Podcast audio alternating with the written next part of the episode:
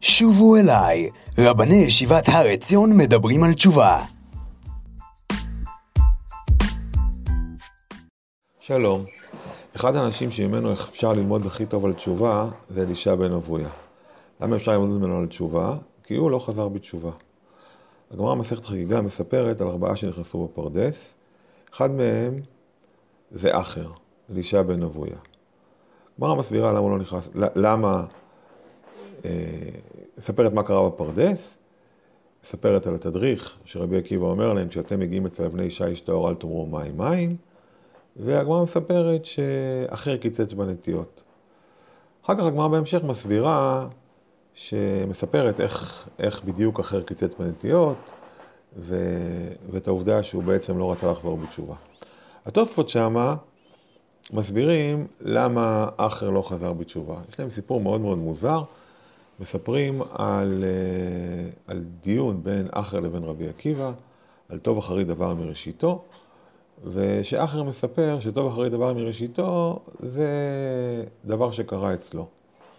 ובי היה מעשה, אבוי האבי היה מגדולי ירושלים, ביום שבא לימולי קרא לכל גדולי ירושלים, והושיבם בבית אחד, ולרבי אליעזר ורבי יהושע במקום אחר. מאן דאכלין ושרין ושתין, שרין ומטפחין ומרקדים, אמרי עד דאלין עסקין בדידון, נעסוק בדידן. ישבו והתעסקו בדברי תורה. ירדה אש מן השמיים והקיפה אותן, אמר לו נבויה, גברין מבטן לשרוף ביתי, אמרו לו חס וחלילה, אלא יושבים היינו וחוזרים מדברי תורה, מתורה לנביאים, נביאים וכתובים, ועוד דברים שמחים כי נתן מסיני. לא באש ניתנו? אמר הואיל וכך כוחה של תורה, אם יתקיים הבן הזה, לתורה אני מפרישו. ולפי שלא הייתה כוונתו לשמיים, לפיכך לא נתקיימו בו. טוב, זה מאוד מאוד תמוה. אלישע בן אבויה נהיה כופר, למה הוא נהיה כופר? כי כשאבא שלו בגיל שמונה ימים הקדיש אותו ללמוד תורה, הוא עשה את זה מהמניעים הלא נכונים. טוב, זה נשמע כמו תירוץ קלוש של אלישע בן אבויה. אני רוצה להציע פה שני הסברים, הסבר אחד פחות טוב, הסבר אחד יותר טוב בעיניי. אז ההסבר הפחות טוב בעיניי זה שכן, מה זאת אומרת שלא הייתה כוונתו לשמיים? כל הלימוד תורה של אלישע בן אבויה היה כדי לעשות רושם. אבא שלו רצה לעשות רושם על האורחים, לכן הוא עשה כזאת סעודה גדולה.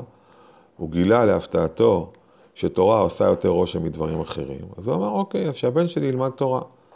וילד שלומד תורה מגיל צעיר רק כדי לעשות רושם על אנשים אחרים, אז התורה שלו באמת היא תורה חיצונית והיא לא מתקיימת. כל פעם אבא שלו הביא אותו לעשות הופעות עם התורה שהוא למד, והדבר הזה באמת היו לו השלכות שליליות עליו. אוקיי, תמיד אפשר להאשים את אבא. אפשרות אחרת, שהיא יותר מוצאת חן בעיניי, שבעצם מה שאלישע בן אבויה אומר, זה אני מחפש שלמות. ומכיוון שזה לא היה מושלם, לכן זה לא התקיים בי. הוא רצה משהו פרפקציוניסטי. כן, הדברים שלו מסכת אבות, הלומד ילד למה הוא, למה הוא דומה, לדיו כתובה נהיה חלק, הלומד זקן למה הוא דומה, לדיו כתובה נהיה מחוק. לימוד תורה צריך להיות דיו כתובה על נייר חלק, ולא דיו כתובה על נייר מחוק. במובן הזה באמת אלישע בן אבויה ורבי עקיבא הם שני הפכים. רבי עקיבא מתחיל מאוד מאוחר, הוא דיו כתובה על נייר מחוק, וברוך השם זה מתקיים בו. ואלישע בן אבויה הוא רוצה פרפקציוניזם, ואם זה לא מושלם, זה לא עובד. במובן הזה, התשובה היא הכרה בחוסר השלמות שבאדם. רק בן אדם שמכיר בחוסר השלמות שלו, יכול לחזור בתשובה. כי כבר חטאת, אז אם חטאת, אי אפשר לתקן את זה. ואם אי אפשר לתקן, אז אין מה לחזור בתשובה. אז אם כבר חטאת, אז תמשיך לחטוא. התשובה היא הכרה בחוסר השלמות האנושית, והיכולת להתקדם מחוסר השלמות הזה, להמשיך ולהתקדם. במובן הזה יש פסקה של הרב קוק שאומרת את זה בצורה מאוד מאוד יפה. בעולת ראייה, פירוש שלו למשנה א', בפרק א', הוו מתונים בדין, והעמידו תלמידים הרבה, ועשו סייג לתורה. אומר הרב קוק ככה, יש חיסרון בטבע האדם, שמה שהוא חפץ הוא הרבה מאוד. וכשאינו יכול להגיע למבוקש שלו, הוא מניח ידו, ואינו חפץ להשתלם כלל. כן, אז מה החיסרון בטבע האנושי? שהשאיפות הן גדולות מאוד, שמה שהוא חפץ הוא הרבה מאוד.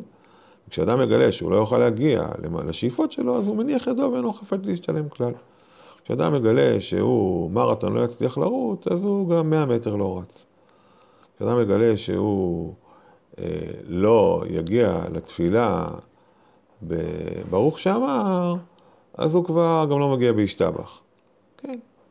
הוא חפץ הרבה מאוד, אם אני לא אלמד גם את הרמב"ן וגם את התוספות, אז אני כבר לא אלמד גם את הגמרא.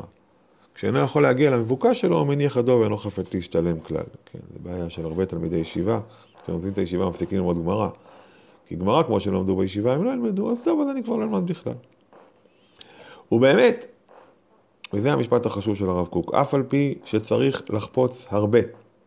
מכל מקום, כשאין עולה בידו הרבה, צריך להוקיר הרבה כמה שיעלה בידו. השאיפות של האדם צריכות להיות גדולות. צריך לחפוץ הרבה. אבל מה קורה כשאין עולה בידו הרבה? תמיד המציאות היא יותר נמוכה מהשאיפות שלנו.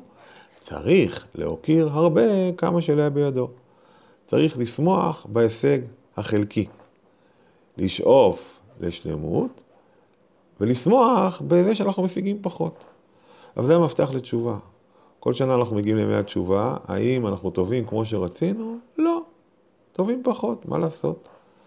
ביום כיפור היה לנו חלומות גדולים. שאפנו לדברים עצומים.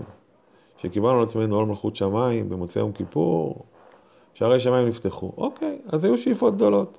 חפצנו הרבה. נו, השגנו את כל מה שתכננו, כל מה שהתחייבנו בימים נוראים של שנה שעברה? לא. נו, אז מה? אז זהו, אז השנה לא נשאף? נשאף. נשאף הרבה, ונשמח בהישג החלקי.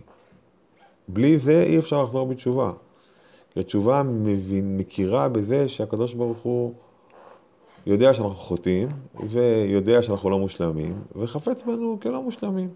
חפץ בנו כרוצים בשלמות, ושמחים בהישגים החלקיים שלנו. שבעזרת השם נזכה לחזור בתשובה בימים האלה, ולהיכתב ולהיחתם בספר, ספרם של צדיקים.